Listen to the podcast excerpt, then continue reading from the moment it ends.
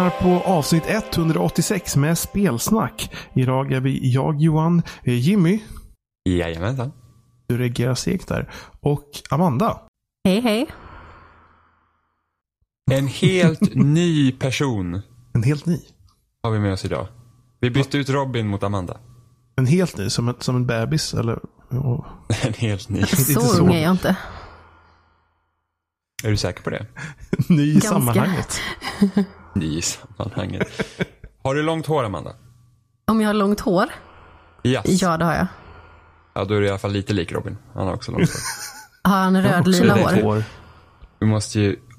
Har du långt hår Johan? Rätt så. Rätt så långt hår. Jag har kort hår. Det växer liksom och så orkar man inte skippa sig och så fortsätter det växa. Jag har ju så himla behändigt nu, för jag har ju liksom frisören precis över vägen bara. Så att eh, jag har så nära att klippa mig, så jag klipper mig relativt ofta. Det är rätt så billigt också, bara 190 spänn. Jag får ju såna här psykbryt. Jag vill ju hela tiden låta håret växa ut så att det blir ganska så långt. Men sen så tröttnar jag på att det är någon ful mellanlängd och så bara kapar jag av allting själv. Klipper du dig själv? Ja. Jag skulle aldrig våga klippa mig själv, det skulle se hemskt ut. Nej, men jag, eh, jag har fått såna bryt ganska så länge så jag är ganska van vid dem. Så eh, jag har till och med en frisörsax. Men det funkar rätt okej faktiskt. Men Har du misslyckats någon gång med din klippning? Oh ja, jag har klippt pannlugg som var lite för kort och det såg jättefånigt ut. Men det var Va? typ när jag gick i ettan på gymnasiet eller någonting så det är typ preskriberat nu. Vad- Preskriberat. Vad vad- vad- gör man, vad gör man då när man har klippt fel? Antingen så försöker man få det att se snyggt ut eh, och försöker rocka det så väl det går eller så får man väl ha mössa. Alltså jag tror att om jag skulle försöka klippa mig själv, jag skulle bara komma till en att jag skulle få ta en rakapparat och sen raka av mig allt mitt hår. Det blir så här munkfrilla från ingenstans och bara, Ja. "Äh, fan jag tar allt. Ja, men jag tror inte att det skulle bli så illa, för jag skulle bara säga Nej, jag, jag skulle misslyckas någon gång och sen så bara, äh, men det är lika bra att raka. Det är samma sak när man rakar sig. Man ska typ fixa till skägget, det lilla man har och så bara, ja men misslyckas. Alltså ska jag försöka ens göra något som jag inte brukar göra så ska jag säkert misslyckas och behöva raka av mig allting. Jag har ju inte riktigt det problemet med ansiktsbehåring så jag vet inte riktigt men Ja, men jag tänkte man kan ju jämföra, alltså ja, jag förstår. bra, bra det. Hår. Så men Amanda, vad, vad, jag tänker ställa den väldigt lätta frågan här, vem är du?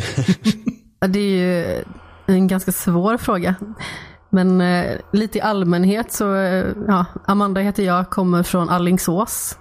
Även känd som staden som ligger vid Göteborg. Det är inte så många som vet var den ligger. Eh, jag är 25 år, bor i en liten lägenhet med mina två håriga barn. Två katter. De har problem med ansiktsbehåring. Det har de, faktiskt. Men eh, ja, de hostar inte upp så mycket hårbollar i alla fall. Så eh, det är alltid ett plus. Ja, Men om katter skulle ha problem med ansiktsbehåringen så skulle de ha för lite hår? Kanske det, inte om det är en naken katt i och för sig. Nej, nej det är sant. Mina är ganska fluffiga. Helt galen tanke. Jaha, lill, lilla staden Allingsås. Jag känner bara igen namnet. Ja men det är ungefär som alla andra och varje gång de frågar var det ligger så när de gissar så brukar det vara på lite olika ställen. Någon har sagt, ja men ligger inte det i Skåne? Ja fast nej, det, det gör det ju inte. Och det ligger inte i Värmland heller. Så Alltså jag känner typ nära Norrköping är typ det jag kan sträcka mig att det skulle ligga nära om jag skulle få gissa. nära Norrköping också. Ja, men jag vet inte. Så här, ja, men Norrköping det känns som ett, jag vet inte. Det är så här, där ligger saker. Där ligger saker. nära Norrköping, ja precis. Var, var, är Norrland? Ja men det är Allting någonstans ligger nära i Norrköping. Norrköping. Tänker att Norrköping är typ så här som ett svart hål. Så allting liksom sugs Allt dit. kommer förr eller Och så- senare dit. Jag vet inte, men jag vet ju att Alingsås ligger neråt i Sverige. Allt slutar alltid i, i, i Norrköping. Ja men lite så. Är du, liksom, är, no, no, är du i Norrköping ofta? nej, jag är inte det. Nej. Jag är typ, men Norrköping är så här ställe, man stannar aldrig i Norrköping, men åker förbi Norrköping. Jag har faktiskt Jag vet stannat att i jag Norrköping några gånger. blandar ihop Alingsås med Västerås. Men oj, Fast det är ju jättelångt ifrån varandra. Ja, men det är namnen som förstör det för mig. Alingsås är ganska så mycket mindre också. Vi har typ 40 000 invånare eller någonting. I hela kommun. Ja, det är som Enköping. Det är kanske det. Av alla ställen. Ja, ja, men jag, jag bodde i Enköping förut, så därför. Inte Norrköping då. Nej, inte Norrköping. Jag har aldrig bott i Norrköping. Vänta bara. Alla, vä- alla vägar leder till Norrköping. Jaha. Jaha. Men Amanda, du skriver ju också på loading. Ja, det gör jag. Precis.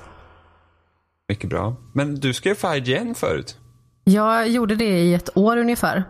Det var faktiskt så att min eh, gode vän herr Bob Sörbom kontaktade mig och sa att det söktes skribenter och då hade jag precis skrivit eh, eh, på en liten blogg som jag hade startat bara några veckor tidigare sådär.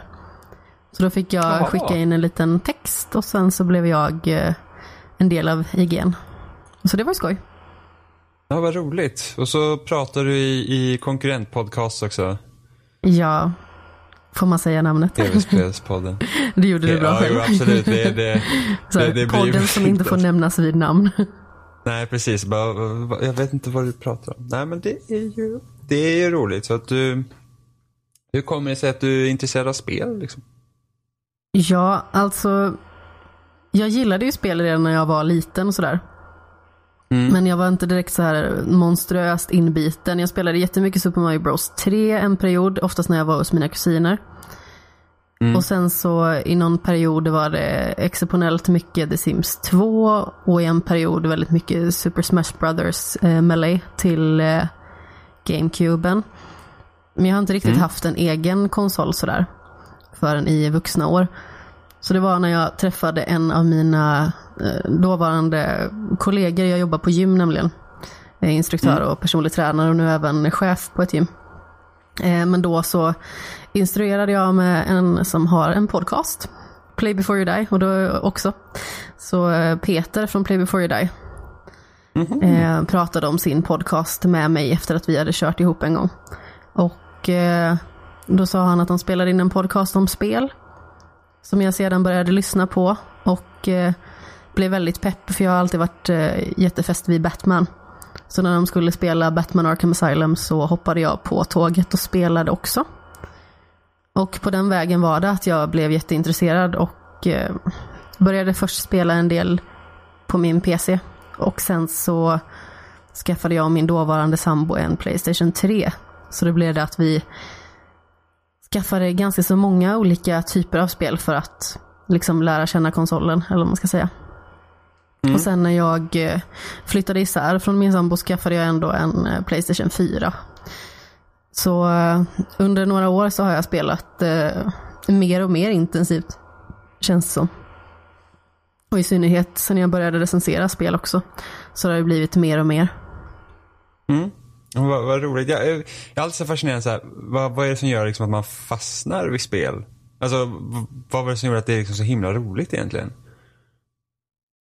Alltså i i det fallet så, så vet jag inte riktigt. Det, det var nog mest att jag hade nog inte riktigt tänkt på att man kunde liksom nå ut i ett medium på det sättet. Alltså just Batman Mm. Arkham Asylum var ju för mig väldigt revolutionerande. Innan så var ju tv-spel väldigt mycket ja, antingen någon form av simulatorspel eller så var det typ slåss, hoppa, eh, skjuta och så vidare. Men det här var ju så himla mycket mer i och med att det var en väldigt intrikat story. Plus att röstskådespeleriet var ju superbra med Mark Hamill till exempel som Jokern och sådär. Så jag tyckte ju att det var briljant och det, jag kastade mig på Arkham City direkt efter. Det här var i början av 2013 så det hade inte släppt förrän, eller ja, det hade, det hade bara släppts några veckor tidigare tror jag, eller några månader tidigare. Ja, City kom väl 2000 I slutet av 2012 vill jag minnas. Typ, kanske. Jag, Oktober jag kommer inte kanske. riktigt ihåg. Ja, någonstans där. Säkert. jag spelade dem liksom frenetiskt. Det var ju inte, var inte ett dåligt sätt att hoppa in igen om man säger så. Nej, Arkham Asylum är typ praktexemplet på det, typ en, ett av de bästa licensspelen någonsin skulle jag vilja påstå. Oh ja, absolut. Det är lite vändningen där också med Arkham Asylum. Med att oj, så här gör man licensspel. Mm. Och sen dess har det inte riktigt blivit de här Det har ju såklart gjorts bra dåliga licensspel. licensspel längre. men nu, man, nu är ju så- liksom, man är ju Alltså van nu- med de här typ utpumpade Disney-spelen till, eller om ens Disney till typ så här Playstation 2. Det var ju horribelt ganska länge. ja ja, en massa sådana här filmlicensspel också. Typ så här Pirates of the Caribbean fick ju egna spel och Men oj, till Eh, vad? eh, Allt möjligt. Jag hade, ja men det kom, jag tror det var, när första Pirates of the Caribbean-filmen kom, då kom det typ ett spel till PC som hette Pirates of Caribbean som egentligen inte hade någonting med filmen att göra, som var helt okej. Men tredje Pirates-filmen så kom det ett spel. Eh, och det hade jag till Wii av alla konsoler och det var ju jättedåligt.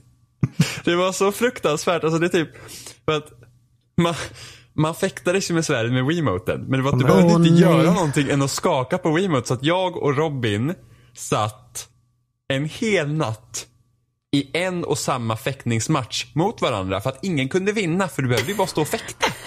Det var, Det var det, helt- var, det var den som till slut liksom missade att skaka på kontrollen som förlorade. Ja, men Den som typ, somnar alltså, typ, först. Alltså vi, vi typ satt och sjöng. För att den ena, den ena karaktären hette Mordilla. Och vi tyckte det var så himla roligt. Så vi hittade på någon sång om den. Och så satt vi och sjöng den och skränade hela natten. Medan vi bara viftade på Wiimoten. För vi hade så tråkigt. Vi hade ingenting att göra. Eh, det här måste ha varit 2006? 2007 kanske. Ja, Jag det, ser det var... bara framför en, en ung Jimmy och en ung Oliver sitter där och... Alltså det var så frukt... Alltså det spelet är så fruktansvärt dåligt. Hette det bara typ the Caribbean till Wii då? Eller vadå? Eh, nej, det hette the Caribbean at World's End. Det var ju liksom, det var ju till tredje Pirates-filmen som den var, var, var, var gjord på då. Alltså jag får ju typ hjärnstillestånd av att bara tänka på det. Fy. Och så hade de inte ens, så hade de inte de, de riktiga röstskådespelarna till. Utan det var ju, det var ju såna här, sådana som skulle imitera dem. Så Åh, det lät nej. ju jätteroligt. Ja, det var hemskt. Det var hemskt. Men ändå alltså lite, alltså jag kommer ihåg att eh, typ Sagan om ringen-spelen var bra. Ja, var helt liksom om helt ringen okej. 2 och 3 då? Ja, ja, det? de två tornen och eh, Konungens återkomst. De, alltså speciellt Konungens återkomst, det var ju co-op. Så sprang, det var ju typ så här Diablo-liknande eh, stil tror jag. Men oj, alltså det är ju sånt här som jag har missat. Jag har ju ett eh, ganska stort gap i min spelhistoria känns det som. Jag, jag tror jag spelade ut Alltså, i- King till Xbox hos en kompis. Alltså egent, egentligen har du ju inte missat jättemycket för jag känner ändå att, jag tror att, eller det finns bra spel till den generationen men jag känner verkligen att, alltså om man tänker ur, ett storymässigt perspektiv så skulle jag nog säga att, eh, att hoppa in 360 PS3-generationen var väldigt bra att göra. Ja, jag håller med, med faktiskt. Jag tyckte att det var jätte, jättemycket bra spel som jag fick uppleva i början av min så kallade spelkarriär om man säger så. Direkt när jag hoppade på så jag spelade ju som sagt Arkham-spelen. Kort därpå kom uh, Bioshock Infinite. Oh. Och sen lite senare kom The Last of Us och Nino Kuni och sådär. Eller Ni- Nino Ja. Kuni kom först, men ja. Alltså det är, det är liksom, det är, alltså det är riktigt bra spel. Eh, jag känner att, jag funderar på det för en veckan lite så här att många spel, speciellt i början av, av men i alla fall, vad ska jag säga nu? Men alltså, jag hade ju bara i princip haft Nintendo-konsoler först. Du börjar på Sega. Eh, ja, precis. Första konsolen var Mega Drive och sen fick jag en Game Boy. Men stationära konsoler så var Mega Drive först. Men sen hade jag ju bara Nintendo-konsoler så jag hade ju en GameCube. Och sen hade jag ju spelat vissa spel på Xbox som jag lånade av en kompis och sen hade jag spelat lite på PS2. Jag, jag köpte en PS2 samma år som jag köpte Wii. Eh, så jag spelade lite spel där. Men, men sen hade jag Wheat och jag kände att Wheat inte det gav inte tillräckligt mycket. Jag, jag har ärligt talat på att och tappa intresset för spel på grund av Wii. För jag kände att det kom inte tillräckligt mycket spel. Så jag köpte en 360 sen när Mirror's Edge kom. Och då fick jag ju liksom spela Bioshock, eh, Mass Effect, Eh, jag köpte Orange Box, jag spelade Half-Life 2, Portal. Liksom där kände jag liksom att mitt intresse för spel, även om det alltid varit rätt så högt, så blir det liksom, alltså det var liksom där det liksom tog överhanden. Liksom, att det här blev liksom huvudhobbyn så att säga. Just för att man, eh, det liksom, utvecklarna experimenterade mycket med saker eh, som man inte har gjort tidigare. Just med narrativ och, och liksom hur man berättar historier och så. Så att det, det var en väldigt bra generation för det. Liksom. Ja men exakt. jag. Jag hade ju bara haft eh, handhållet liksom innan, ja, in, innan Mm. vuxen ålder om man säger så. Jag var väl, oj, vad jobbigt det blev när jag måste räkna tillbaka. Nej, jag var väl eh, 20-21 någonstans när vi skaffade mm, PS3. Så Ja. innan dess hade jag haft eh, vanlig Game Boy, Game Boy Color och Game Boy Advance liksom. Så då var det Mm. liksom inte så jättemycket narrativa aspekter. Det var inte så jätte liksom så här våldsamt imponerande grafik eller sådär som hade slagit mig utan det var ju liksom Super Mario-spelen och eh, kanske lite Donkey Kong Country spelade jag en hel del. Ja, då blir det som att då är spel mer synonymt med liksom lek. Ja men exakt. Eller liksom att det blir, det är liksom, ja men high scores, man, man gör något liksom, inte för att det är något fel med det, men liksom det, det sitter fast där och då kanske man inte liksom ser på det på ett annat sätt. Ja, alltså innan eh, liksom PS3 360-generationen så var det ju inte så jättemycket. Alltså jag tänker på Metal Gear när jag tänker innan dess. eh, Ja, och Shadow of the Colossus och Ico. Ja. Men Det, det, det, det, annars liksom tänker story innan dess så tänker jag på typ JRPG och massvis med text att läsa. Eh, Ja men typ Final Fantasy till exempel. Så det är just det storydrivna och cinematiska, det kommer liksom inte förrän förra generationen. Nej. Alltså man tänker mer liksom, kanske tycker jag att använda ordet liksom vuxet, om man säger så.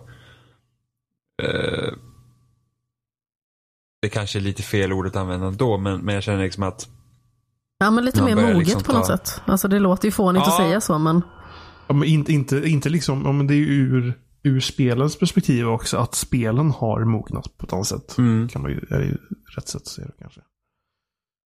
Ja, och den fortsätter ändå göra det om man tänker typ om man tittar på vad Naughty Dog gör med till exempel Uncharted och Last of Us så, så försöker de också berätta historier med andra teman. Och sen tittar man på indiespel som, som där de experimenterar väldigt mycket med hur man berättar liksom ett narrativ. Du har ju liksom hela Twine-scenen och sen så, ja, men tänk typ Fulbright Gone Home och Tacoma liksom när de testar olika sätt att, att eh, berätta en historia.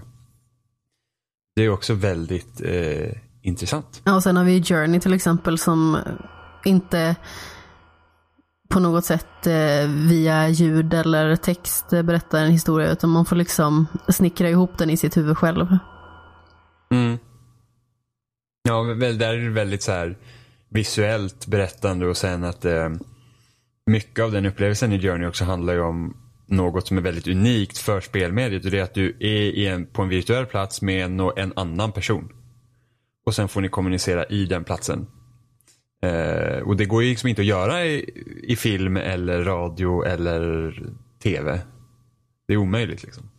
Eh, så att Journey är Alltså jag- Journey är typ det närmsta jag kan tänka typ att ett spel kommer till perfektion. Om man nu ska nämna det i sådana termer. För det, det känns som att det de ville göra med Journey, det gör Journey utan problem. Liksom.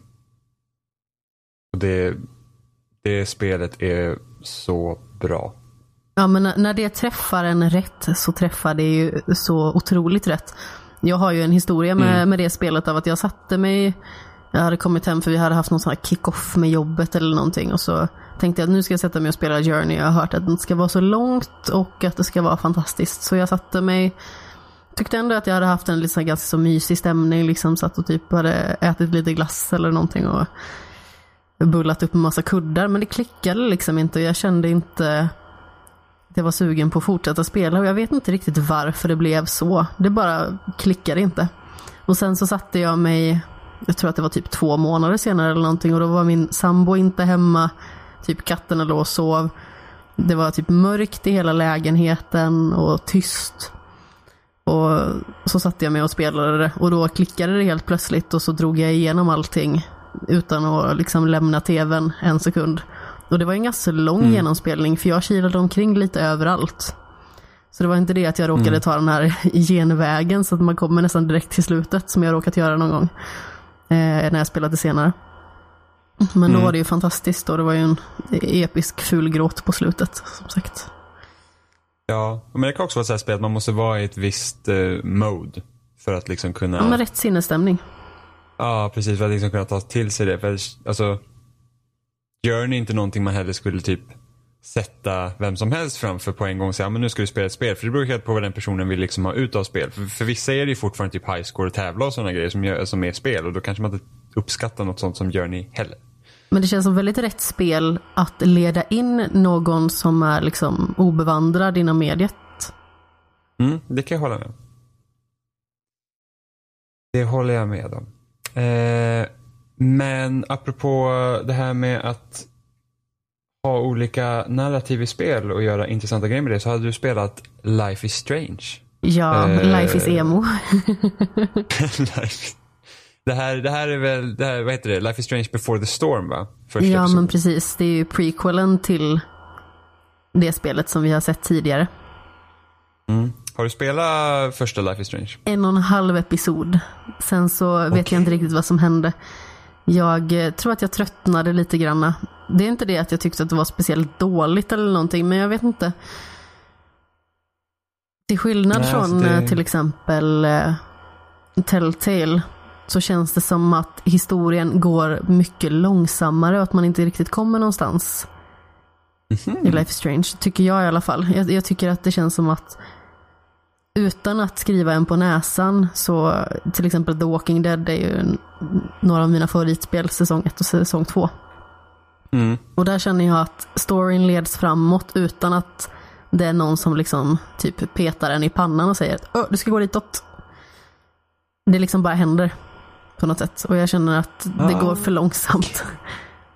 Ja, jag tror jag uppskattar med Life is Strange var det just att man eh, jag vet, du, du var, man var mycket mer aktiv i världen så att säga. Du fick ju gå runt mycket mer och titta på saker. Eh, något som Telltale-spelen har gått ifrån mer och mer. Ja men precis, det är ganska så linjärt ändå i Telltale. Ja. Så jag tror att det uppskattar jag med Life is Strange. Sen var det andra saker som jag hade problem med. Det var ju alltså att vissa saker användes mycket för att ge eh, en chockeffekt snarare än att faktiskt liksom här eh, tar vi tag i någonting viktigt som vi kanske vill säga någonting om. Eh, men sen gjorde de andra jättebra saker så jag tycker fortfarande att det, det, det är ett helt okej spel. Är det. Men eh, okej, okay. men vad, vad är då, hur lång tid jag utspelar sig Before the Storm då? Från första säsongen? Och jag kommer inte riktigt ihåg hur gamla de är i ordinarie Life is Strange. Men jag tror att Chloe som man spelar är 16 kanske.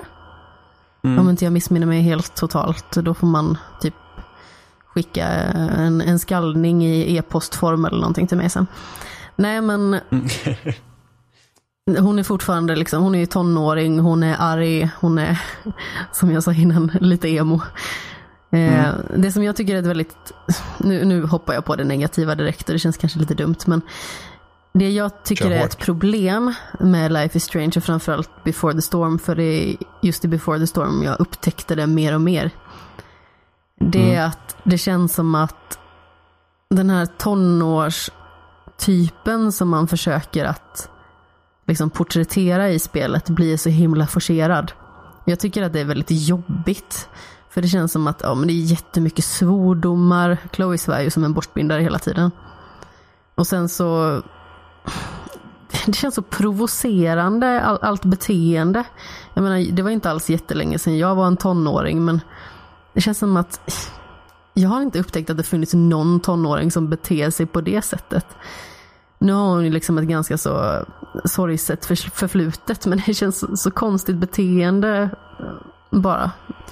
Jätte ja, liksom, ja men typ. För det kunde jag känna med första Life is Strange att det här känns som det är vuxna människor som försöker skriva tonårsdrama. Liksom ja det, men exakt. För, för det känner jag ju typ också många sådana här om man nu tänker sig tonårs tv-serier liksom typ, som utspelar sig i high school. Det är att ofta så är då barnens problem är så stora att det känns inte ens rimligt att de får ta tag i det. Nej men eller hur. Liksom att det, det blir lite så här att men alltså, ni är praktiskt taget vuxna människor som är fast i någon high schoolares kropp. Liksom.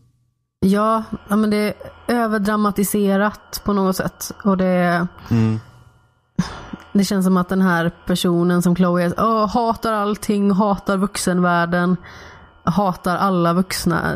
Det, det är så konstigt sätt att jag hade velat se liksom en mer sårbar karaktär på ett annat vis. Istället för att ha någon som jag tycker mest beter sig drygt.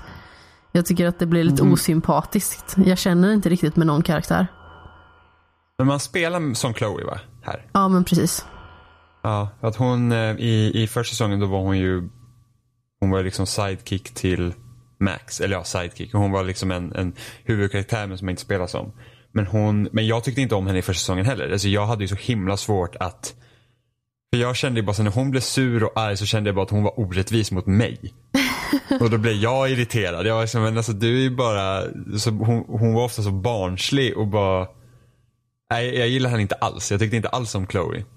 Eh, i, i, I första säsongen heller. För att hon var dryg och det är liksom allt är alla andras fel och hon vill liksom inte riktigt ta ansvar för någonting och, Skiter och i bara allt. liksom Ja, och bara agerar ut hela tiden och bara "Åh." Och sen så liksom dum mot Max som egentligen inte har gjort någonting. Så det är jättemärkligt emellanåt. Ja, men det känns som att mitt tonårs-jag, som jag ändå tycker att jag kommer ihåg, alltså jag vet ju att jag, alla tonåringar är väl horribla i någon del eh, av sitt liv kan jag, kan jag tänka mig. Eh, På ett eller annat sätt. Men mitt tonårs-jag kan verkligen inte relatera till den karaktären för fem öre. Även att jag var eh, ja, arketypen för en emo-person med svart snedlugg och kajal och hela faderuttan. Mm. Men hur... Men det, det ja, alltså in, inte för att jag har...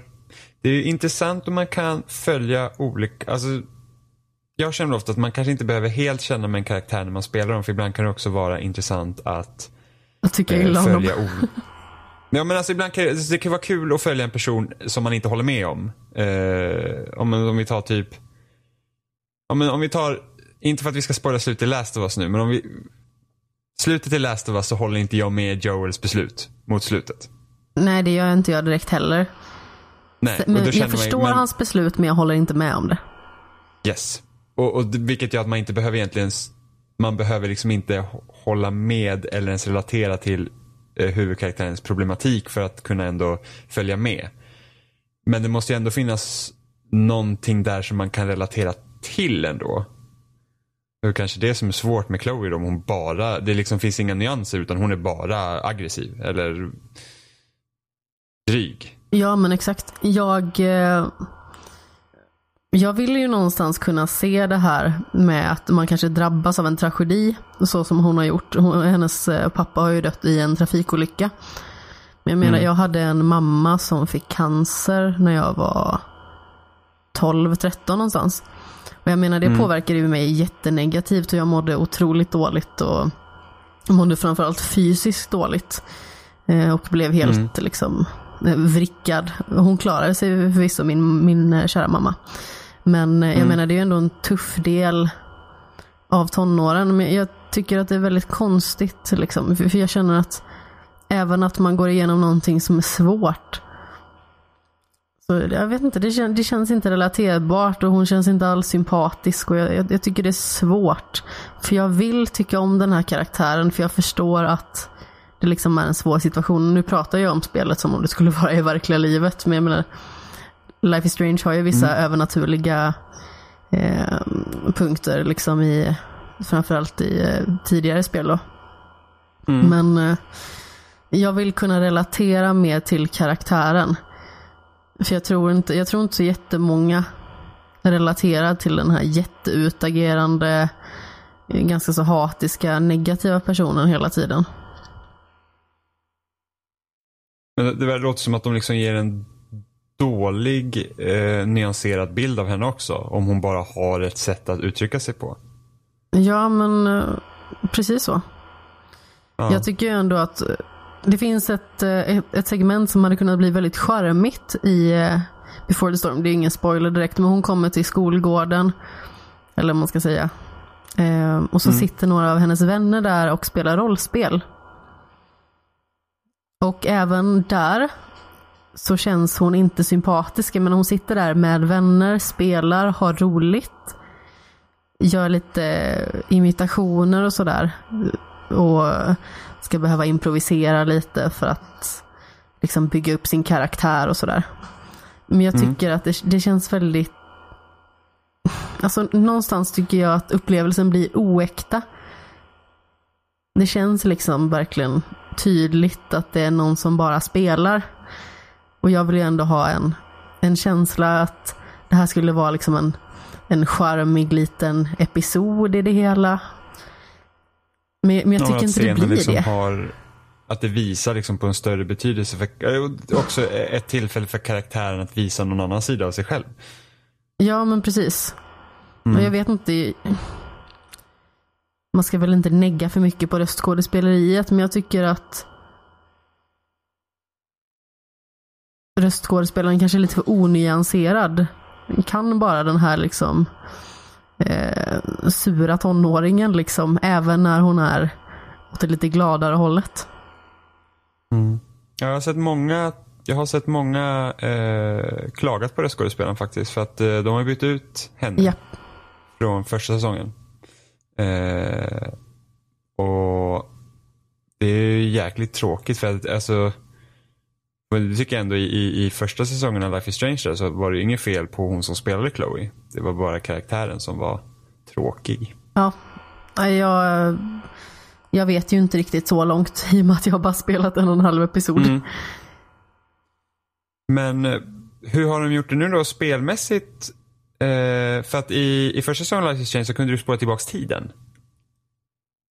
Vad, alltså, har, är det bara att välja dialoger nu eller är det, eller har de någon, också någon typ twist? Jag har inte stött på något sådant än.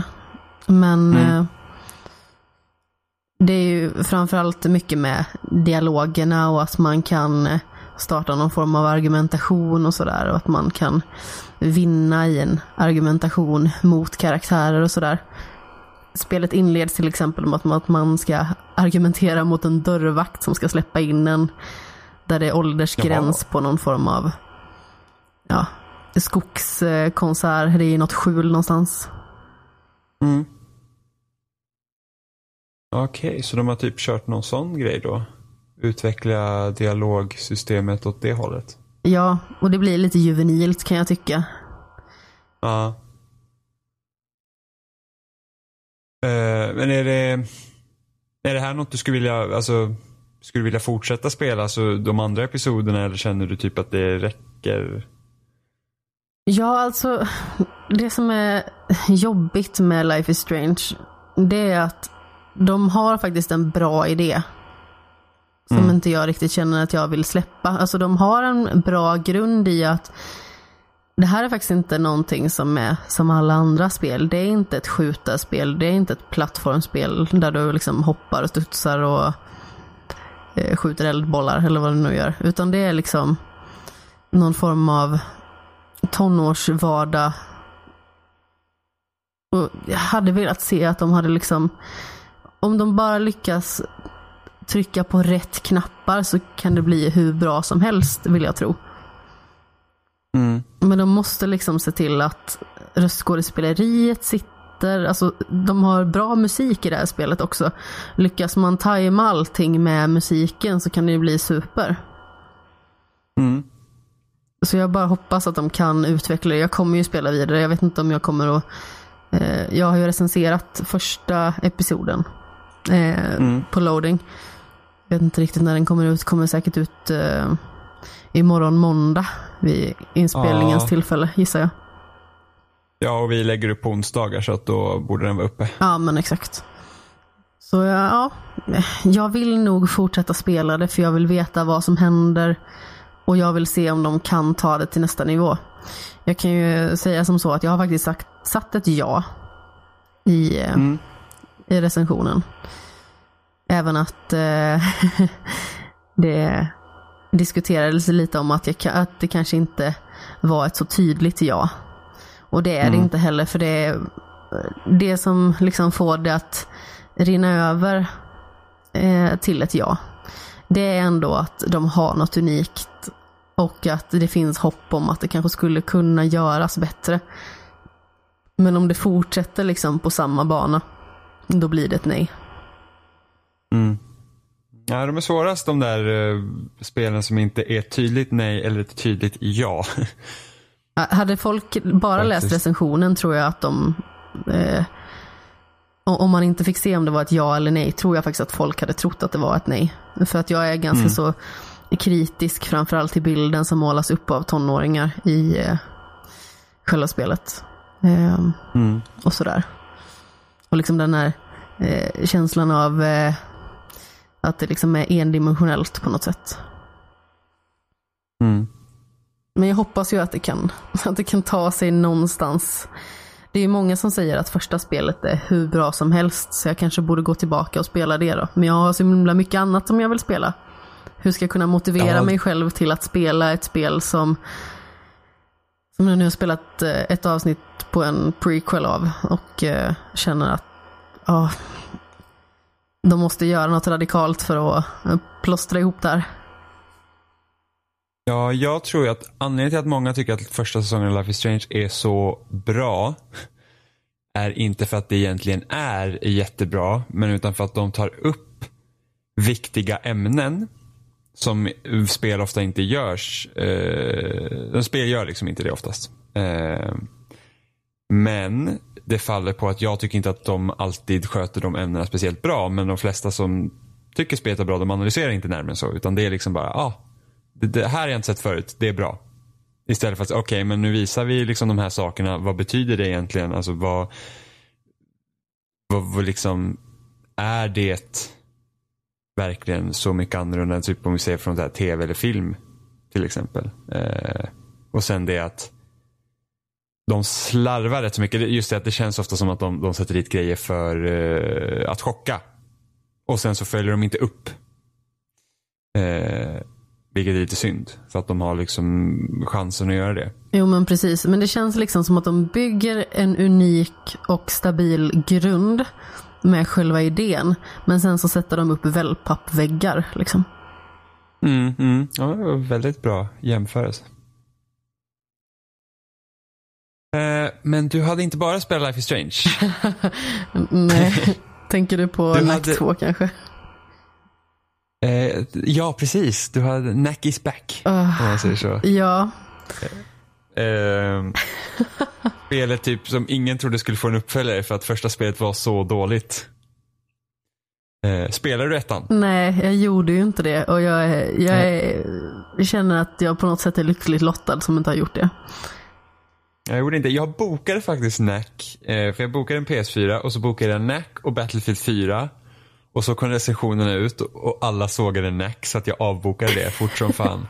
Och jag var väldigt peppad på Nack för att den typen av spel, eh, det var ju liksom så länge sedan man hade sett ett sånt spel. Eh, när det kom. Nu har vi ju Yooka-Laylee och det har kommit lite annat efter det. Som är åt det hållet. Men eh, Ja, Ratchet and Clank-spelen tänker jag framförallt på som är i liksom, liknande genre. Ja, och typ Jack and Daxter. Eh, nu är det i och för sig de, nu har inte kommit ett nytt Jack and Daxter-spel sedan typ 2006. Men, Oj, är eh, det så länge? Ja, men Ratchet Clank, det kom ju den här remaken förra året. Ja, Som, som var jag recenserade. väldigt bra. Oh, ja, det, det var ett riktigt bra ja spel. jag, jag älskade det. Det var ett av de bästa spelen jag recenserade förra året. Mm, nice. Det var, ja, det, det, det, det är kul när man får se sådana typ genrer återkommer. Man känner, fan det här känns fräscht igen och det är kul att spela. Eh, men är, är NAC 2 bra? Alltså, nej. Jag hör, jag, hör, jag hör tveksamhet där. Ja, alltså, jag kan ju säga som så att min kära poddpartner Aron Westerberg Ringhög och jag satt och spelade NAC 2 på Retroresan Meetup. Och redan från början så tror jag att båda två kände att okej, det här är liksom en plattformare, det är ingen större fel på det. Alltså det är ganska så enformigt. Det finns vissa roliga inslag av att till exempel man kan boosta iväg sin kompis på fiender. Det tyckte jag var jätteroligt så det överanvände jag hela tiden. Han eh, lämnade ifrån sig kontrollen till några andra personer då och då för att han tröttnade på att spela spelet. Men jag satt och spelade eh, hela genomspelningen. Men eh, ja, som, som, sagt, jag överanvände det här och sköt iväg mina kompisar och sen så teleporterade jag mig vidare till dem. Det var jätteroligt tyckte jag. Som det stora barn jag är. Men storyn är, alltså den är så paj så att det, det är löjligt. Konversationerna karaktärerna emellan, alltså det, det är liksom inte ah, ens dåligt så att det blir charmigt typ, utan det är bara, det är bara skämskudde. Ja, oh ja. Och sen är ju röstskådespeleriet, vi, vi lyckades ju få det på svenska också bara för att han hade sitt systemspråk på Åh, svenska. nej! Åh vad hemskt! ja, och då är det liksom alla sådana här röster som man hör i reklamer eller i barnprogram och sånt, det är ju de rösterna. Det låter jätteforcerat och bajsnödigt och åh. Och typ den här, vad heter den här typ WC-ankan? Ja, ungefär så. Alltså typ den rösten är ju så himla speciell. När den dyker upp så vet man att den är ifrån. Men på svenska, jag, jag avskyr sånt när de sätter, när man inte får bestämma språk för att man har sitt system på ett visst språk. Ja, men det är ju bara konstigt. Jag vet inte om det hade räddats upp av att vara på engelska, för storyn var jättekonstig. Det finns ju vissa plot holes tycker jag. Jag vet inte riktigt om man ska analysera plot holes i ett sånt här spel.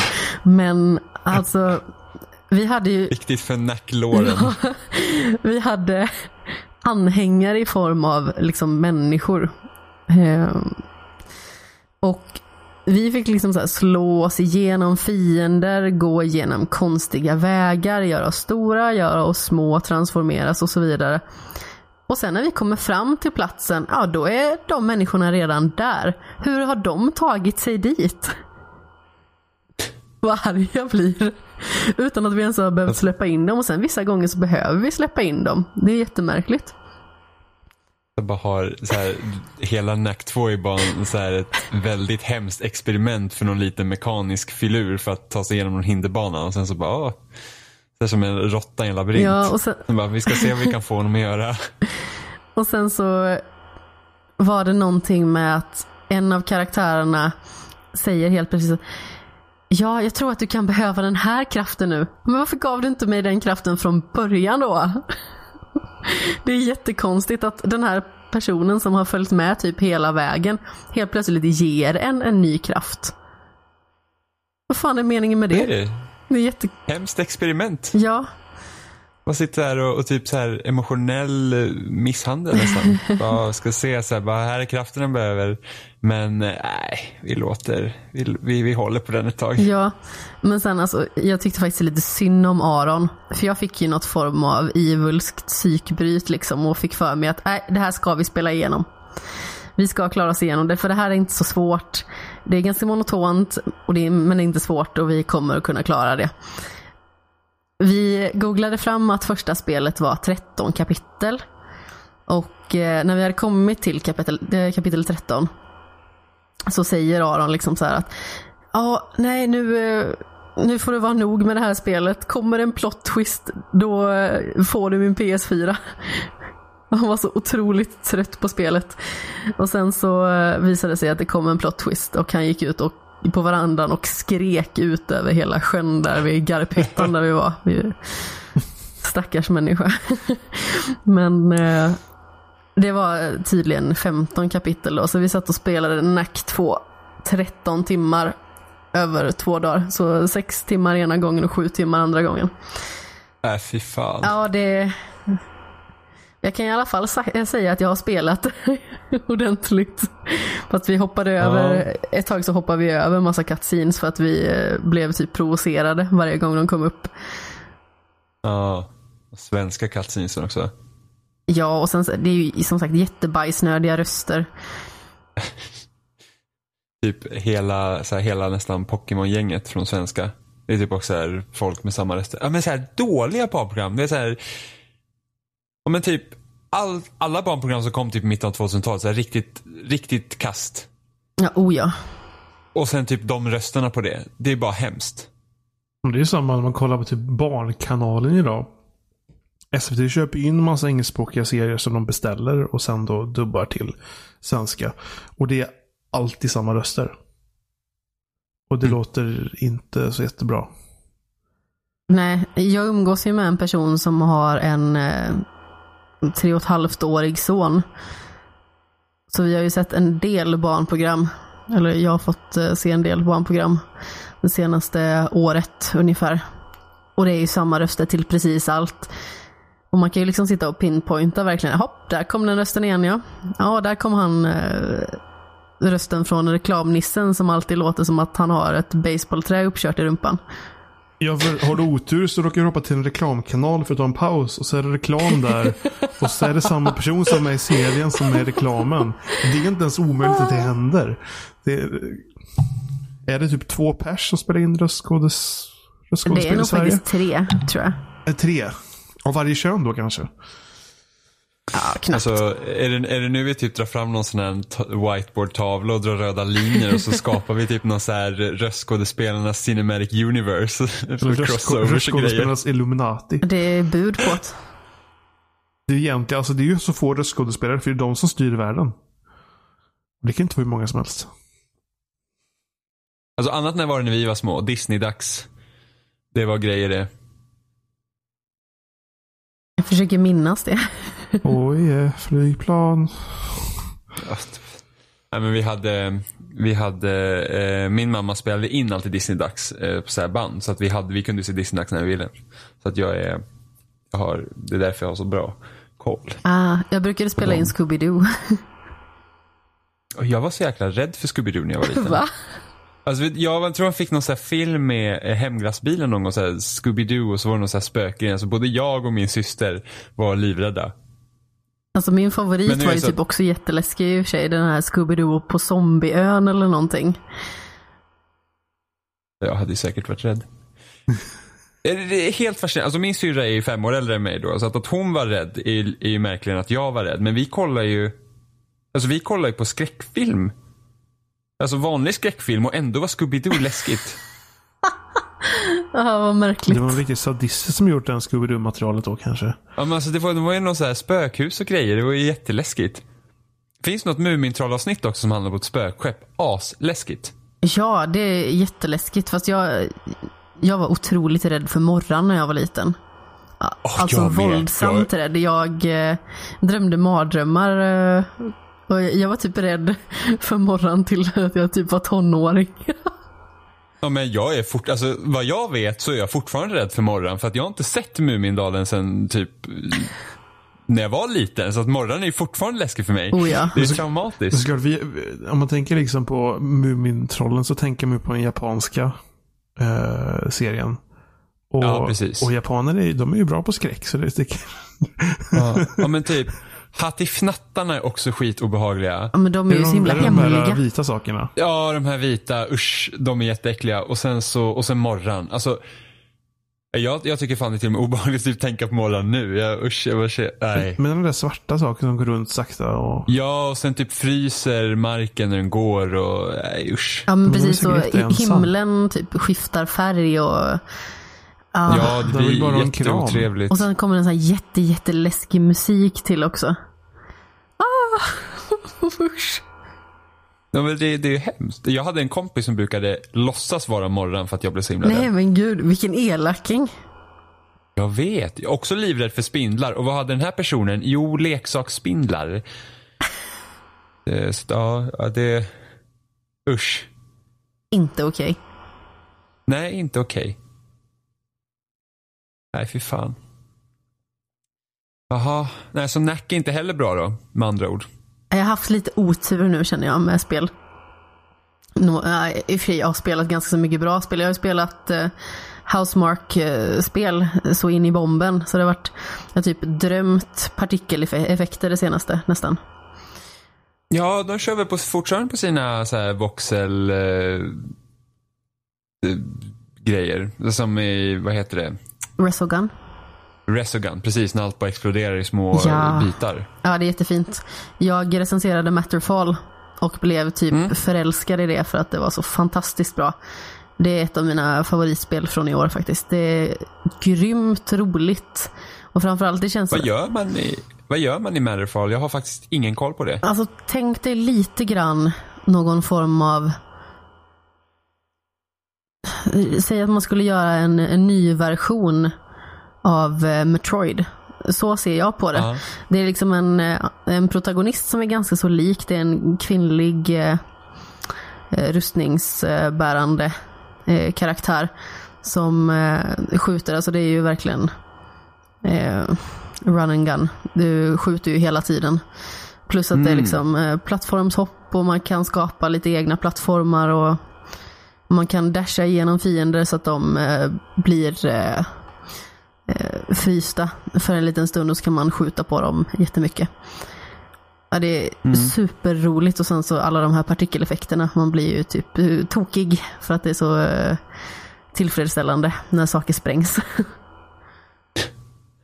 Ja, Jag ingen, alltså jag älskar ju Resogun. ja, jag spelade det faktiskt efter. Eh, Jaha. Jag hade inte spelat det innan, men efter det så eh, spelade jag både Resogun och sen så eh, Housemark släppte ju ett spel i juni också, Nex Machina. Så det köpte jag också och så det känns som att jag har typ Ja, som sagt, äter, tänker och drömmer partikeleffekter. Det är Vad, fint. vad gör man i Next Machina då? Det är ju lite, alltså det som är fina med Housemark-spelen det är ju att de är så olika. Alltså Resogun där har vi liksom den här cirkulationen hela tiden. Som det baseras kring och sen har vi Matterfall som är sidoskrollande i Metroid-anda typ. Och sen så har vi Nex Machina som är eh, top-down view istället. Plus att man förflyttar sig liksom. Om, om du tänker dig liksom att världen är som ett gäng Tetris-block så flyttas man liksom runt kring blocken. Alltså, ja, det är väldigt flummigt men eh, fantastiskt. Ja. ja, för det som är så bra med, alltså Housemark-spel, de gör ju verkligen, om man ska säga det här, speliga spel. Med Ja. high scores och sånt. Och, det, och det, de är, alltså Resogun kom verkligen perfekt. Eh, för det var ju gratis med PS Plus. Ja, precis. När PS4 släpptes. Det var väl första PS Plus-titeln. Eh, Till PS4. Mm. Yes. Eh, och det fanns inte så mycket annat att spela på PS4. Så det var, alltså jag spelade jäkligt mycket Resogun. Jag blev, jag blev helt okej på den då. Ja.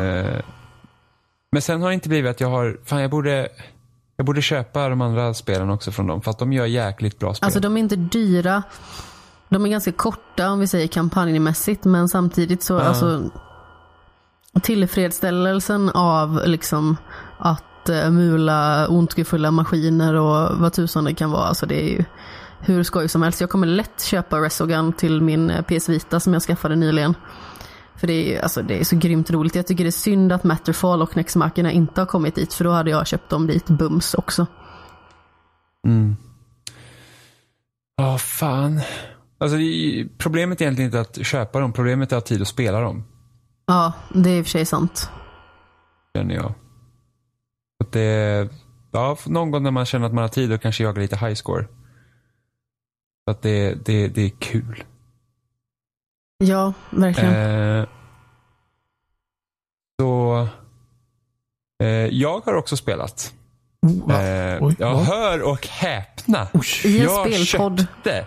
Du som... Ja, precis. I en spelpodd ja. Just det, du, du har ju köpt spelet som vi alla trodde att du inte skulle köpa. jag köpte Destiny 2. Och jag totalt avskyr Destiny 1. Jag trodde du skulle säga och jag totalt avskyr Destiny 2. Jaha, nej. Det var här det, här, det, var här det blir en plot twist. Precis. Jag, jag, jag, är som, jag är som Nack 2, så här, mitt i avsnittet kommer jag här med att Destiny 2 är inte så dåligt. Eh, nej men alltså jag verkligen, jag planerar inte att köpa Destiny 2 heller.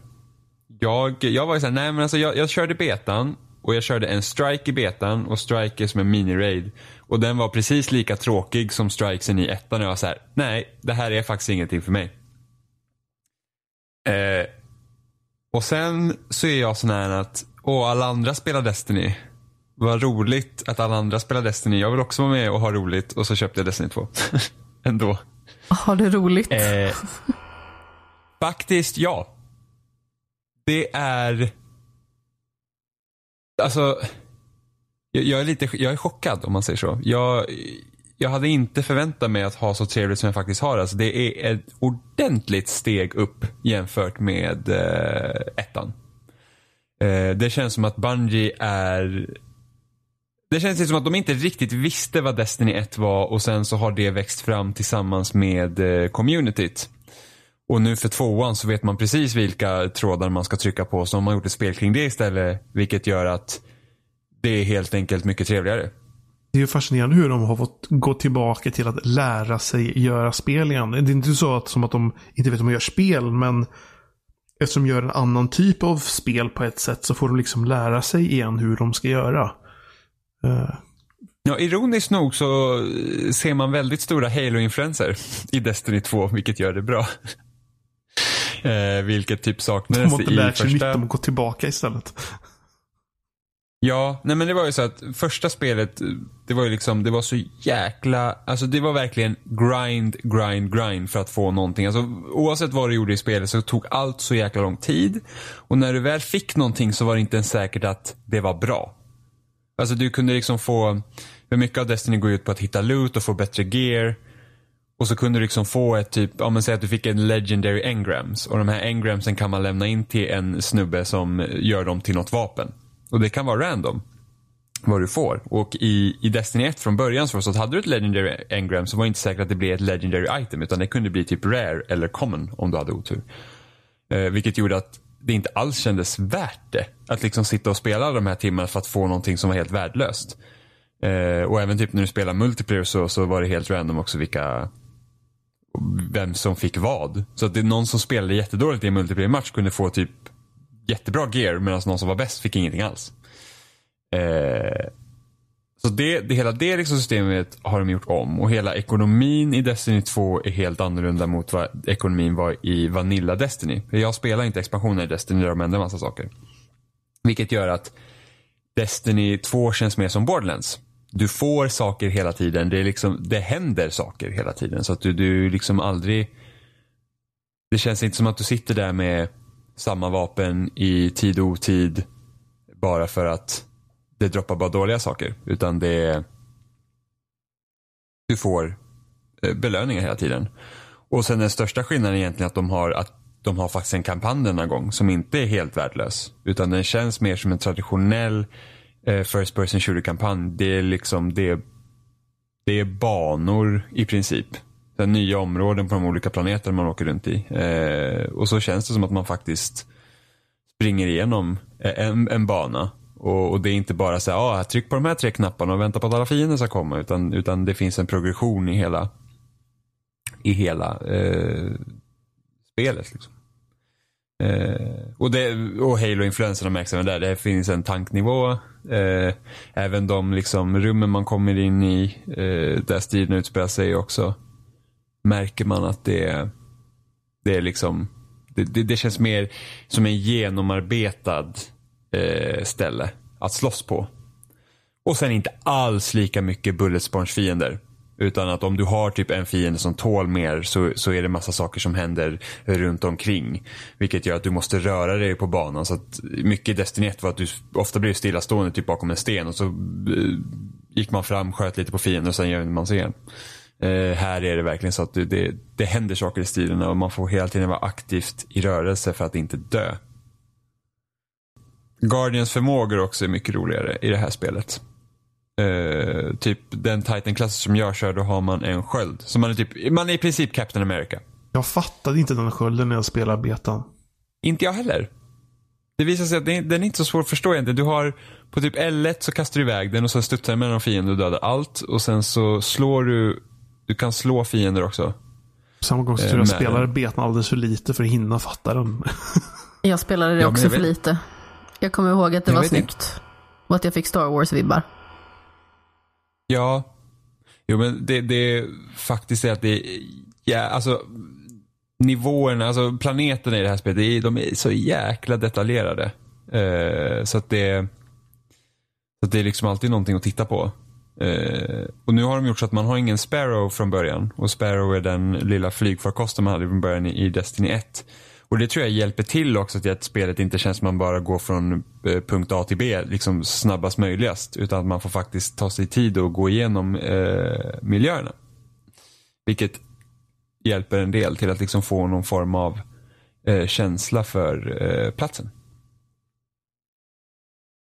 Eh, men annars så, alltså, den, det har, alltså tvåan har ju fortfarande lite samma problem som eh, första Destiny. Det är, jag tycker inte att fienden alltid är jätteroliga att slåss mot. Eh, det är inte Halo direkt. När man liksom får av, liksom, beroende på vilken fiende man går på får man liksom ändra approach. Och, och liksom det är väldigt mycket så här sten, sax, påse mellan om du ska använda slag eller du ska använda vapen eller kasta granater.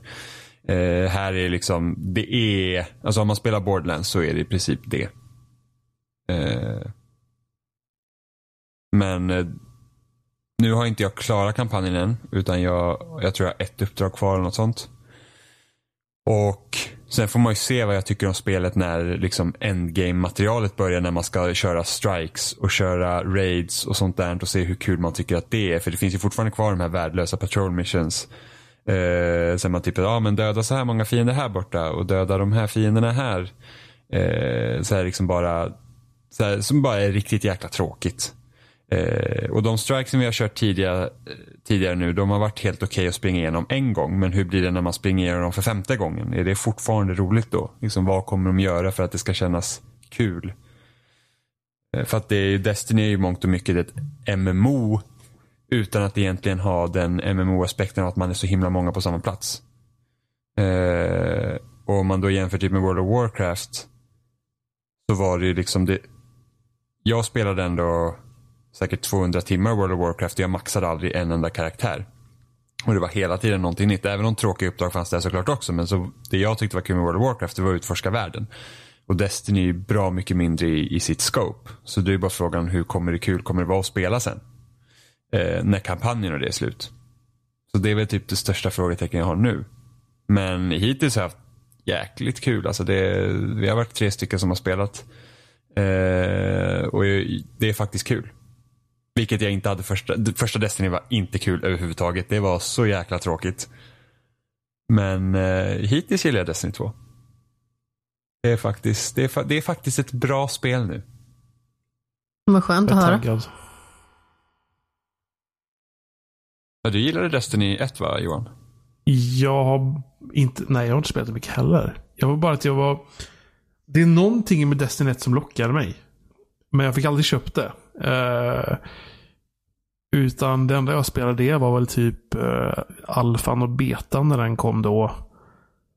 Och uh, sen demot som var ungefär samma. Jag tror det var samma som alfan och betan var ungefär. Mm. Um, så det ska bli kul att köra. Mm. I oktober. Det... Ja, när det kommer till PC. Ja. Ja, de har ju, alltså, mycket av tonen i spelet är också ändrat. Det som första Destiny, det var ju bara rent av nonsens. Alltså det var, ju, det var ju så högtravande och varenda karaktär nämnde liksom platser och personer som man inte hade någon aning om vilka det var. Och liksom bara så här. Ja, men det, det kändes typ som så high fantasy generator. Bullshit. Ja, men, alltså, speciellt just introduktionsdelen av spelet. När du går runt där och lyssnar på någon som berättar om den där och den där och den där och bla bla bla bla. Och, men ja, nej. Ja men det var helt, det var helt ingen kontext. Man liksom säger bara okej okay, men den här personen hade gjort den här bra grejen som var typ i det här kriget som hade det här namnet. Men vad betyder det? Det, det, det var bara nonsens. Uh, det här spelet kör mycket, alltså det är mycket mer humor, alltså karaktärerna har karaktär. Uh, vilket, ja, alltså jag kan känna det liksom, de har en liten konstig blandning och det här hände redan i Tekken King i Destiny för då kom den här Cade, uh, en, en karaktär som heter Cade som är typ såhär, ja, ah, the funny guy. Och liksom det här att då har du blandningen mellan det här högtravande, liksom superseriösa och sen humoristiska. Och nu har man ju mer om, det finns fortfarande kvar i Destiny 2. Att det är lite så att man har allvaret och sen har man även det här roliga. Men man lutar mer åt det roliga den här gången. Eh, så att det känns faktiskt, alltså det, det, Destiny 2 känns som en Marvel-film. Det, är liksom, det är bara därför att det ska vara typ vara kul. Det, det är liksom, du har, du har superkrafter. Du känns som en superhjälte när du är en Guardian och har en jävla superkraft. Det är liksom där, ja, bara ös på. Så att det, eh, det händer saker hela tiden. Nej, men så det, jag är faktiskt positivt överraskad. Så får man se hur länge det håller i sig då. Faktiskt. Kul. Tackar. Ja, ja men det, det, det är faktiskt bra. Ah, Johan, Ja. hur går farmandet? Ja, jag, jag har dubblat upp farmandet. Har du dubblat upp farmandet? Ja, jag känns som jag, jag, jag farmar frukter i Animal Crossing och jag farmar andra saker i Farming Simulator. Spelar du Animal Crossing? Ja, eh, jag har plockat upp det igen på 3DS. Jaha. Är det här New Leaf då eller? 2000 Ja, jag köpte det 2013 när det kom. Mm. Uh, jag tror det första spelet jag köpte digitalt på 3DS. Uh, och sen för ett tag så köpte jag ut New 3DS och flyttade över allting till den och sådär. Och häromdagen när jag åkte buss så tänkte jag, ja, kanske ska starta det igen. Och man startade och alla folk i den lilla byn snackade som att ingenting, det var som att det var går man var där liksom nästan känns det som. Och, och märkte att nej, jag hade visst inte byggt ut mitt hus så mycket. Så det var ju bara att börja fiska och leta lite frukt och sådär för att få upp pengar så man kunde bygga ut huset. Eh, Borde inte du ta på hur mycket uh, så här, ogräs som helst? Nej, det var faktiskt inte det. Jag har plockat och plock, jag har gått sprungit runt och plockat bort lite, men det verkar inte bli, det verkar inte ha samma problem med det som det var de tidigare spelen. Um, så det var faktiskt helt okej. Um, Nej. just den aspekten. Jag, jag gjorde en sån jäkla grej i Animal Crossing till GameCube. För att man kunde ju ändra den interna klockan på GameCube för att spola fram och tillbaka tiden. Ja. Och jag kommer inte ihåg varför jag behövde spola fram tiden. Någonting behövde jag ha. Och jag råkade spola fram den flera år. Så att varenda spaltmillimeter i min värld var täckt med ogräs. Jag tror jag aldrig blev klar med att plocka bort det. Ja, det- ja, nej, det problemet verkar de inte flyttat med till, till det spelet.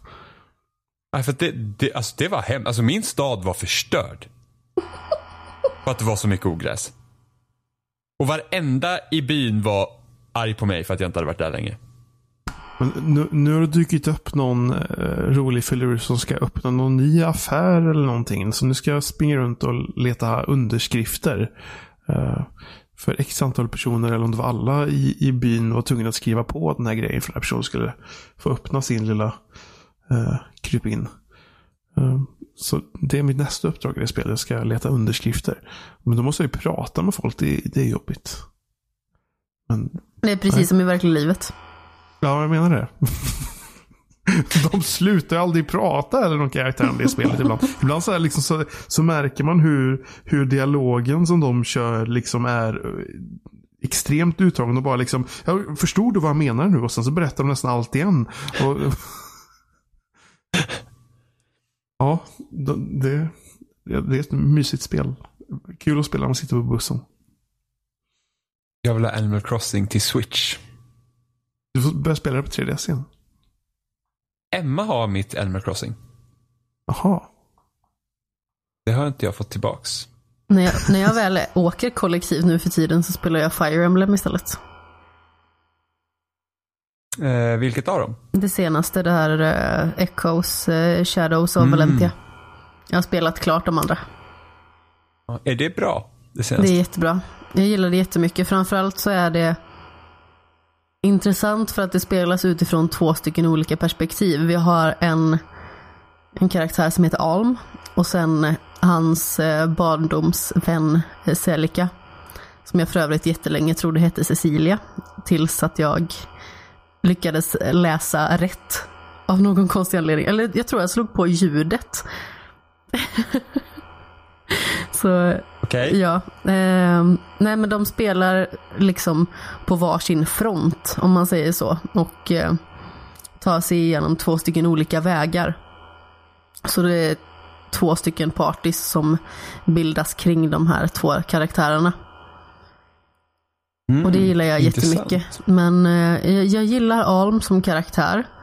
Men hans party är skittråkigt. Jag har nästan bara hittat eh, karaktärer som liksom är vanliga ja, stridstyper. Nästan inga magiker överhuvudtaget. Medan Celikas party är mycket mer uppblandat. Både magiker och liksom typiska krigare. Plus att hon är ju, alltså hon är ju den coolaste karaktären i hela spelet. Hon är liksom en svart magiker och vit magiker i ett. Plus att hon liksom kan svinga svärd dessutom. Så hon är ju bäst. Bästa sorten. Oh ja. Det kommer så jäkla mycket Fire Emblem-spel på senaste. Jag köpte det här, jag köpte det första Fire Emblem som kom till 3DS. Awakening. Eh, ja, precis. Och sen har det väl kommit två eller tre efter det. Ja men precis, det kom ju några som hette eh, Fire Emblem Fates Conquest och Fates Birthright. Och de Ja. spelade jag också. Ehm, och de, Jag tror det alla är enda Fire. Emblem jag har spelat är det på telefon. Oh, Heroes hette det va?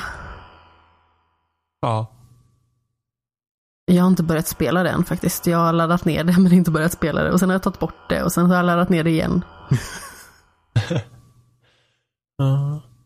Men jag vet inte, jag klarar aldrig ut Awakening. Men det är bara att jag är så himla dålig på att spela bärbart. Och sista bossen är ju rövsvår i det spelet. Så jag förstår att du inte... Ja, men Fire Emblem är svårt. Jag, jag hade ju, nu ska vi se. Jag hade, eh, det kom ett Fire Emblem på GameCube. Jag tror jag klarade det. Och sen kom det ett Fire Emblem på Wii som var en direkt uppföljare på det. Och där sitter jag fast i slutet. Jag, är, jag gjorde en dum sparning så att jag, jag, kommer, jag är liksom fast. Jag kommer ingenstans. Jag, jag, jag Åh, dör nej. helt enkelt. Så att jag kunde inte spela vidare. Och det spelet, jag kommer ihåg att det spelet till Wii, det var så jäkla bra. För jag hade nog aldrig varit med om Alltså det kändes verkligen som krig i många av de jäkla matcherna. Så det, det, det, var, det var episkt och det var liksom svårt och svettigt. Jag kommer bara ihåg. Så, och just det, vi hade också vårt i, i Europa och USA så var normal, det var Japans hard. Så att det var ju snorsvårt också. Så att de hade gjort en sån fuling. Ja, men eh, jäklar vad bra det var. Jag är så dålig på, jag borde, jag borde klara ut Awakenings också. Jag tror jag är på något så här, någon, man är i ett träd tror jag. I det spelet. Jag kommer inte ihåg, det är så många år sedan nu. Alltså jag hade, eh, jag hade ju jättegärna velat spela de tidigare spelen. Men de är ju så vansinnigt dyra. Det är ju fånigt Ja. så dyra de är. Klassisk Nintendo-grej. Ja, alltså De, eh, jag lägger inte ut en tusenlapp på ett uh, Wii-spel. Jag gör inte det. Nej. Nej, men det är så typiskt Nintendo. De släpper ett, deras spel går aldrig ner i pris och sen så gör de ändå inte så många exemplar så att det, de finns inte så många av så då blir, går de upp i pris jättemycket. Eh, Xenoblade Chronicles var också ett sånt spel till Wii som var svindyrt ett tag. För Just att, det. Eh, för att eh, ett, det typ sålde slut när, för att de tyckte inte alls många exemplar eh, av det när det kom. Så jag lyckades få tag i ett också. Och sen så gick det upp ganska mycket i pris. Va- Har du en New 3DS förresten? Nej, jag har den eh, första versionen. Ah, okej. Har du spelat Xenoblade? Nope, det har jag faktiskt inte gjort. Det, borde, alltså det spelet är så bra. Det är ett av mina favoritspel genom tiderna. Men oj. Ja, det, det är riktigt bra. Det, det, här, det känns som ett klassiskt JRPG. Eh, man får liksom, alltså det, nej, det är bara bra. Det borde du spela. Om du någonsin får tag i det. Ja, jag har faktiskt funderat på att sätta tänderna i det flera gånger. Och jag var faktiskt på väg att köpa det till New 3, eh, 3DS. Vad hände? till New 3DS. Men så upptäckte jag att eh, i sista sekund att det stod New 3D, eh, 3DS också. så eh, ja, som tur var så köpte jag inte det för det hade jag inte kunnat använda det. Nej, jag vet inte, det, det har väl inte kommit alls många New 3DS-titlar tror jag. Nej, men känns inte det lite överflödigt ändå? Jo, men det, det är så här. Det, var väl typ, typ, eh, det blir det också dock att vissa spel som använder den här... Uh, kommer du ihåg den här liksom, saken man satte 3DS i? Man satte ju 3DS i en grej så fick man ju en extra spaken. Ja, precis ja. Och alla de spelen blir ju, funkar ju på 3DS som man får, eller New 3DS som man får. Man kan använda lilla spaken och så vidare. Ja. Eh, sen, Men ändå, alla, liksom, det Super, alla, Super, alla Super Nintendo-spel. De funkar ju bara på Ja. New 3DS. Ja, just det, så är det. Men ändå, det är så här, de gjorde en helt ny version av sin konsol som var starkare och det, liksom, det kom typ fem spel till den. Och nu säger de liksom nej, nej, nej, nej. 3DS kommer att fortsätta finnas. Och det, det är bara så här. Jag kan nog lägga pengar på att Metroid-spelet är nog det sista liksom, stora spelet som kommer till 3DS. Det beror på för att 3DS är faktiskt utgör mesta av vinsten för Nintendo. Det beror på för att när DS blev ju sån stor succé jämfört med Game Boy Advance att det ändå gav där. Så får man Ja. få se hur det blir mellan Switch och 3DS. Det är, bara att jag, det, det är synd att de inte liksom släpper 3DS-spelen till Switch också. Det hade ju gått. Men det känns som att, fin, vad, vad finns det för poäng med att behålla 3DSen när man kan använda sin Switch som en bärbar konsol? Eh, för att fler människor äger en 3DS. Mm. Jo, i och för sig, men om, om nya spelare ska liksom vigas in i det hela. Hur ska man kunna motivera dem att köpa en 3DS? Ja, det är i och för sig ganska mycket billigare. Det är ju sant. Men Alltså, man får ju en konsol där man på- kan spela stationärt också. Liksom. Då får man ju två Ja, igen. beroende, på, beroende på hur populär switchen blir, alltså hur mycket, hur mycket den fortsätter sälja, så får man ju se då om de fasar ut 3DSen och sen byter helt till switch eller om det kommer en ny version av 3DS ytterligare. Får man se. Alltså med Nintendo vet man inte. Det kommer precis en ny version av 3DS. 2DS. Ja, just Det är också jättemysko. Ja. Ja, men det, de, hade, de hade stora problem med, med att eh, nämna sina konsoler där ett tag.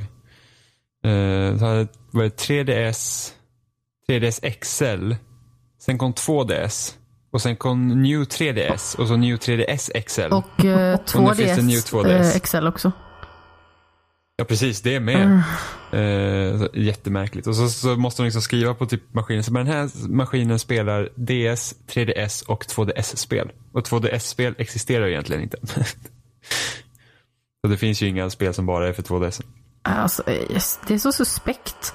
Jag förstår inte riktigt vad den fyller för funktion. Min kompis, eh, min bästa kompis, har en eh, 2DS. Och jag liksom bara känner att, men... mm, Vad, vad, är typ- gör den för någonting? Alltså den är billigare och så slipper du 3Dn. Och det är ju ingen som använder 3Dn längre. Nej, det är för sig Nej. sant, men man kan ju stänga av den på den andra maskinen. Jo, så är det. Men Det blir billigare Den- att köpa den. bill, Och den är ju billigare. yxful också faktiskt. Ja, men speciellt den första versionen av 2DS, för den ser ut som ett dörrstopp. Alltså, den det är är, är ju kilformad så. Ja, alltså det är ju hemskt. Jag förstår inte vem som designade den. Jag vet inte, någon det- som var full och gjorde det i mörkret. Ja, men, eller typ var hemma så här och såg sitt Men dörrstopp. det, bara, men det var väl det att, att de tänkte att gångjärnet var för enkelt för barn att förstöra. Någonting sånt där. För den, den var inriktad på att den skulle vara mer tålig.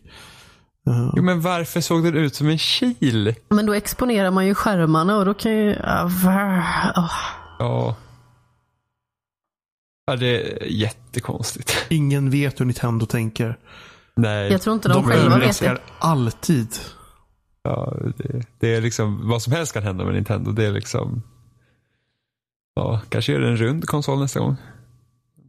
Svär. Så undrar vi alla, så, så de hade det här, eh, gud, när de gick upp på E3 och visade sin eh, Nintendo Vitality Sensor som var en jävla blodtrycksmätare på fingertoppen, visst var det så? What? Ja, ska vara- ja, pulsmätaren ja. Precis. Deras quality of life-grejer. Und, undrar, om, undrar om det händer någon gång. Nej, alltså nej. Det hade varit sjukt om det kommit upp någon sån här, det kommer nästan Nintendo direkt och så bara återintroducerar de Vitality Sensor. Gud, Man vet aldrig. nej. Nej Johan, är det dags att runda av? Jag tror det vi allt.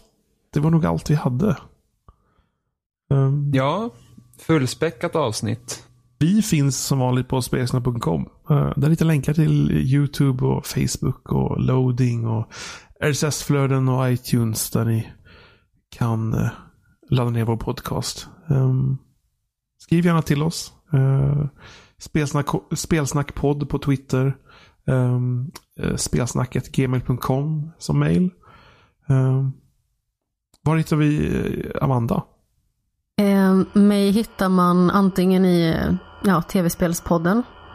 mm, Som man kan hitta på lite olika typer av eh, platser. Twitter, Instagram och Facebook och eh, hemsida och sådär. Sen om man vill följa mig liksom mitt eh, privata. Eh, så är det Adnamanet, alltså som är mitt namn baklänges bara i stort sett. På Twitter och sen The Chubby Funster på Instagram. Sedan har jag även en eh, liten blogg som heter Skämshögen också. Jag skriver på loading. Mm. Det var jättekul att ha med dig Amanda. Det var jättekul att vara med. Tack så Yes. jättemycket. Ja, du får komma tillbaka och gästa fler gånger. Självklart, om jag får.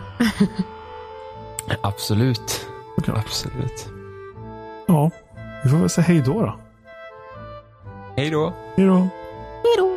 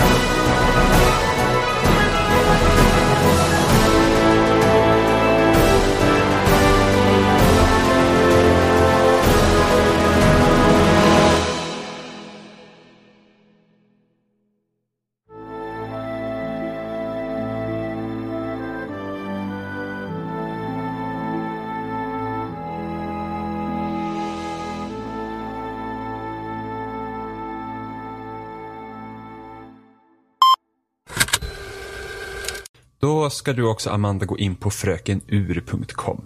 Va? Jajamensan, nu, så, här, så här gör vi proffset. Okay. Proffs. Fröken Vänta, ur. frökenur.com? Ja, Frokenur.com. Det är .com. Okej. Jag ser en helt, jag ser en helt annan sedan vad jag sett förut. Vad ska jag göra med frökenur.com? Eh, då ser du, då har du en klocka där. Ja. Precis, bra. Bra, då ser du en klocka, det är bra. Vi ska, vi ska börja, för då kommer det vara så här att eh, man säger ett sekundslag till exempel, eh, om jag skulle säga 30, då ska alla säga bajs på 30. Eh, och så när klockan slår 30 säger man bajs. Och sen så brukar vi köra 35, så säger man bajs på 35. Och så säger man på 40, säger man bajs igen. Och sen uppdaterar alla klockan jättefint. Och så säger man bajs på ett till klockslag. Och då har vi synkat. För sen när man sitter och klipper och redigerar ihop det så synkar man ihop dem på våra bajs där så blir de exakt, nästan exakta. Okej. Så, Whatever undrar your boat, vi- liksom. ja, om du undrar varför vi säger bajs så fråga inte. Det var Johan som kom på ett ord och det blev bajs. Så det blev bajs. Skylla allt på mig. Det är klart. Men Det är sen gammalt. Precis, det är, det, det är alltid kul. Det är alltid kul att eh, se hur folk reagerar när man ska göra bajstestet. Vi har haft de som inte tror på oss och så har vi haft de som tycker att det är typ, ja men jag är bara med på noterna, det är lugnt. Jättekul. Ja. Det är väl att, eh, fortfarande fem och under 25 antar jag. Ja, då ska vi se. Johan spelar också in. Ja, ja spela in. Ja, och Amanda spelade in. Mhm. Bra, då ska vi göra bajstest. eh, ska vi, se. vi kan alla börja med att uppdatera klockan så att den är färsk. och så säger vi alla bajs på 50 sen. Bajs. På 55. Bajs.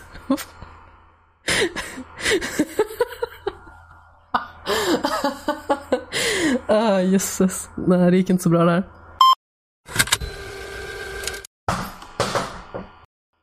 Jag vill bara säga att om det hördes en jättestor smäll här härifrån eh, ganska så nyligen i mitt eh, ljudspår så var det inte att jag dog utan mitt eh, kamerastativ gled av min stol och trillade i marken. Så vi bara ignorerade det. Så vi bara, så bara ah, Amanda, ah, det lät lite ifrån som bara, nej. Men du pratade ju om katter. sig. För jag tänkte att något annat. Jag tänkte också att katterna leder över det. Vi, vi är vana med att bara ignorera sånt här och köra på och hoppas på det Ja bästa. men vad skönt, men då, då Det löser sig. det